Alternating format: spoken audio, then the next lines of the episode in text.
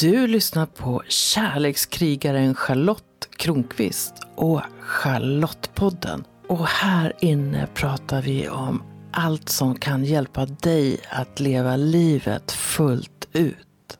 Känner du igen dig i det här? Någonting händer plötsligt. Du känner dig som förlamad, som att kroppen känns tyngre och orörlig och som att du inte ens kan få ett ljud över läpparna. Då kan du vara i chock. Och det kan hända när något sker för mycket, för fort och för hårt. Och jag tror att jag är en chockmänniska, för det händer mig ganska ofta. Men jag vet också hur jag kan komma ur det här chocktillståndet. I det här poddavsnittet kommer jag att läsa kapitel 5 i ljudboken 100% Charlotte, ta ditt inre ledarskap. Och det kapitlet heter Chock. Men innan du får lyssna till det så vill jag resonera lite grann omkring vad som kan hända när jag eller någon annan blir kidnappad av reptilhjärnan och hamnar exempelvis i chock. Ibland när någonting blir för mycket för mig så reagerar min reptilhjärna med att stanna upp allting. Det är som att den tror att jag är utsatt för livsfara och måste skyddas. Allting stannar upp.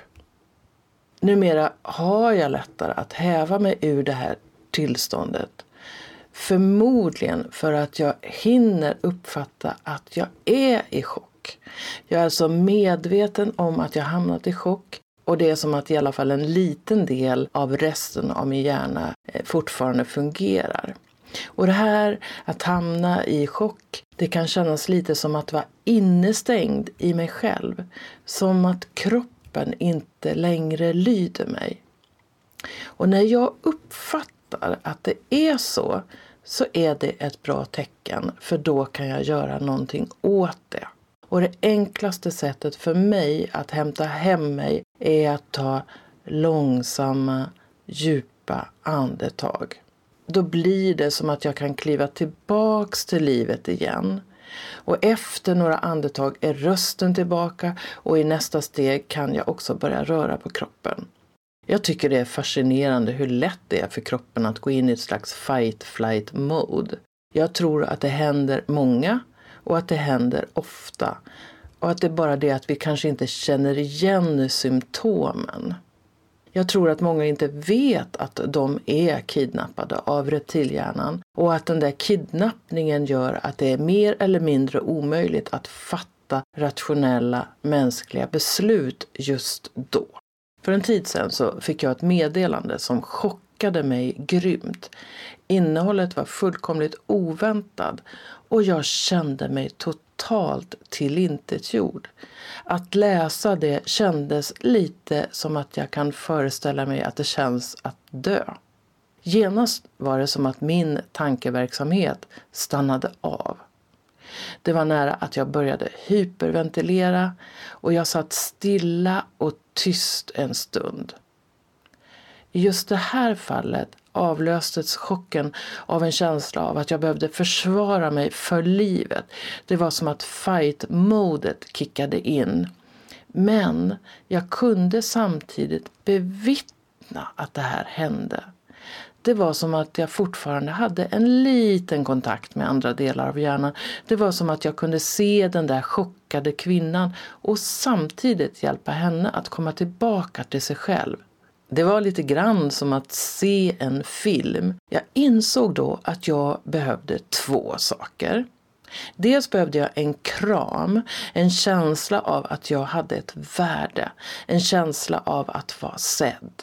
Men jag behövde också få ut en del av de känslor som chocken skapat i mig. Jag gick ut på en åker och sparkade mot höbalar och långsamt, långsamt kom jag hem till mig själv igen.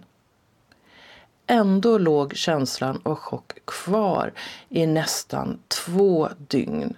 Det var som att något la sordin på hela livet som under de här dagarna gick i gråskala och jag fick kämpa för att komma ur känslan av värdelöshet.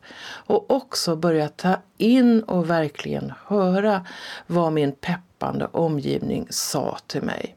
Det är bra att vara beredd på att ibland bli kidnappad av reptilhjärnan och lägga märke till vilken strategi den väljer. Vid det här tillfället valde den tillfälligt chock. Och jag är glad och tacksam över att jag kunde ta mig ur det tillståndet relativt snabbt. Andning är bra. Men det är också bra att motstå en del av de impulser som följer med kidnappningen. Som en vilja att ge igen, att säga något taskigt, att försvara mig till varje pris. Jag lät bli det. Jag väntade in min hjärna. Jag väntade in mig själv. Jag väntade in min förmåga att tänka rationellt. För jag är medveten om att det här skådespelet, de här starka känslorna sker inuti mig och att jag egentligen inte är utsatt för något hot. Även om det kändes så när jag läste brevet och även om det var så min reptilhjärna tolkade det. Och jag hittade också några dagar senare ett bra sätt att besvara det här meddelandet. Jag svarade när de starka känslorna var över och jag kunde tänka klart. Nu ska du strax få lyssna på det här kapitlet om chock ur ljudboken 100% Charlotte, ta ditt inre ledarskap. Och om du skulle vilja köpa boken så får du gå till en nätbokhandlare och köpa den där. För av tekniska skäl så kan jag inte sälja den via hemsidan charlottekronqvist.org. Men om det är så att du gillar min röst och vill ha något mer än mina poddar så vet att på min hemsida så finns det meditationer som du kan köpa. Vad sägs om sju meditationer till ditt hjärta? Den är nyproducerad. Du hittar mitt material på hemsidan charlottekronqvist.org. 5. Chock. När jag går i chock slutar jag känna. Jag fryser till is för att det som händer mig är för jobbigt att känna. Chock kan uppstå när något händer för mycket, för fort och för hårt. När jag var 16 år var jag passagerare i en bil som frontalkrockade. Jag såg att olyckan skulle ske men kunde inget göra. Jag såg hela livet passera revy de korta sekunderna före smällen. Efteråt står jag mitt i korsningen och där finns krockade bilar och en död hund med en stickning i händerna. Folk kommer fram till mig och säger att jag är i chock. Jag svarar att de har fel. Det är bara det att jag måste plocka upp maskorna jag tappade vid krocken. Jag var verkligen i chock just då. Men det fattar jag inte. Det är en del av chocken.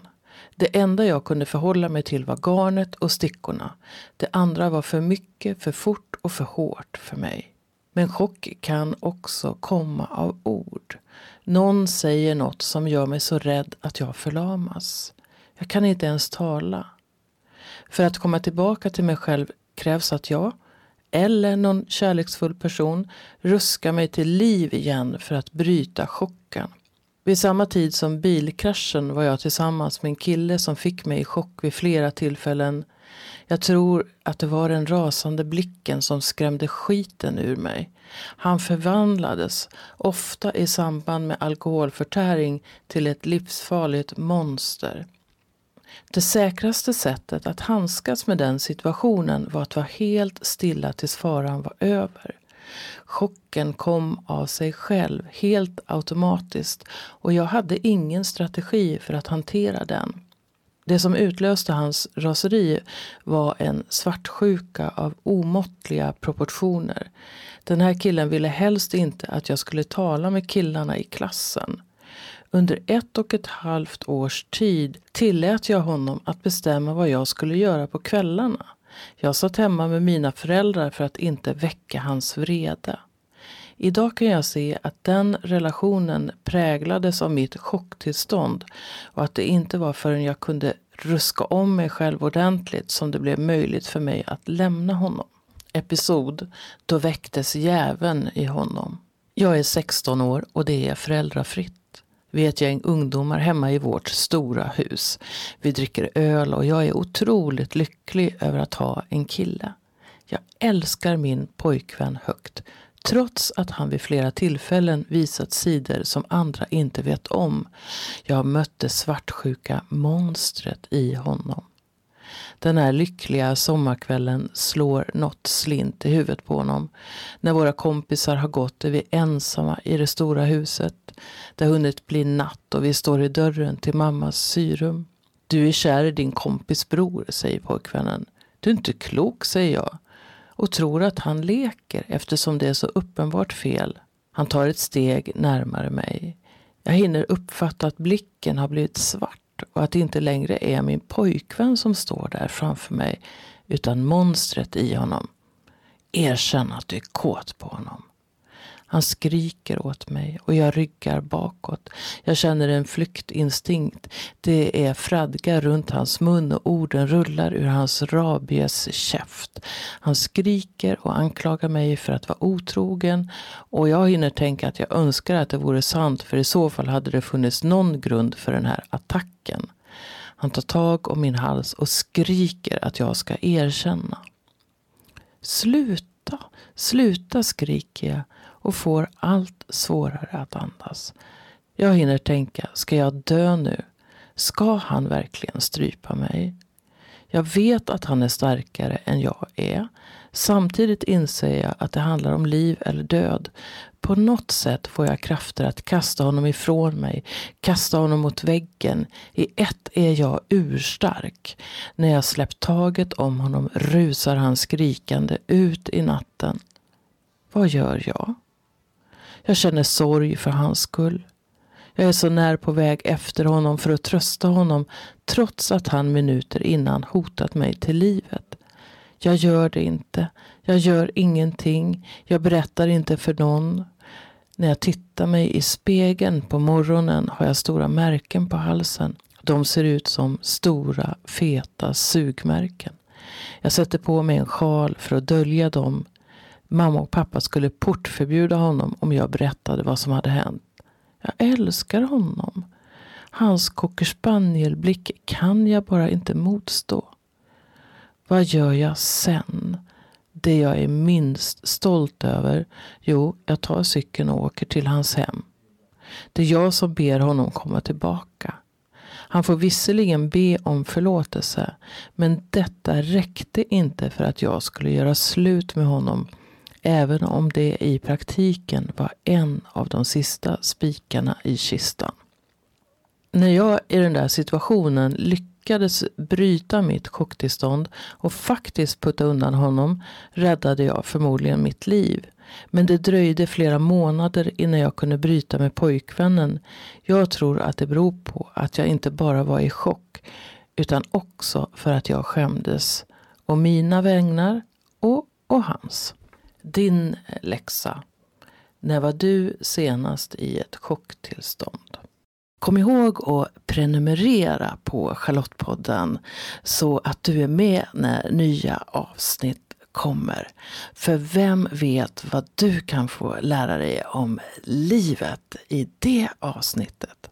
Rekommendera gärna podden till en vän så är du med och sprider vetskap om att den här podden finns och berätta vad den ger just dig.